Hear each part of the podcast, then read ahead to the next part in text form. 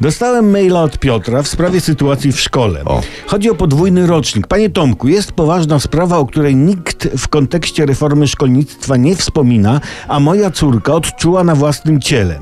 Reforma spowodowała, że dzieci jest dużo więcej w szkole i robią się zatory w toaletach, dwukropek, prawy nawias.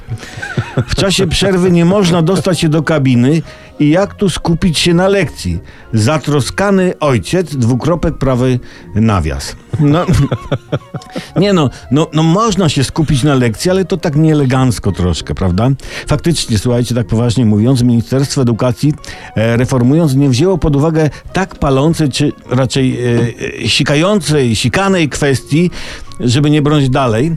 E, coś trzeba zrobić, słuchajcie, żeby uczeń mógł zaliczyć w szkole jedynkę czy dwójkę w jakichś konkretnych warunkach. Rozumiecie o co chodzi.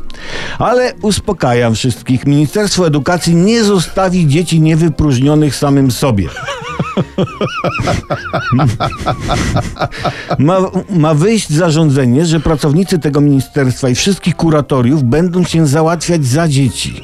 Prawda? Z kolei uczniowie mogą skrócić kolejki do toalet na zasadzie takiej, ja wiem, no samopomocy. No na przykład uczeń Mariusz pyta ucznia Przemka, idziesz robić siku? Tak, to zrób mi też. E, I dokąd sprawa się nie ustabilizuje, Ministerstwo Edukacji wprowadza rozwiązanie tymczasowe.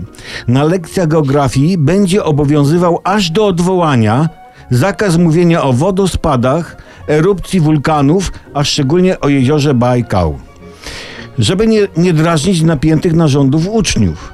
Tak więc, ojcu, nie troskaj się.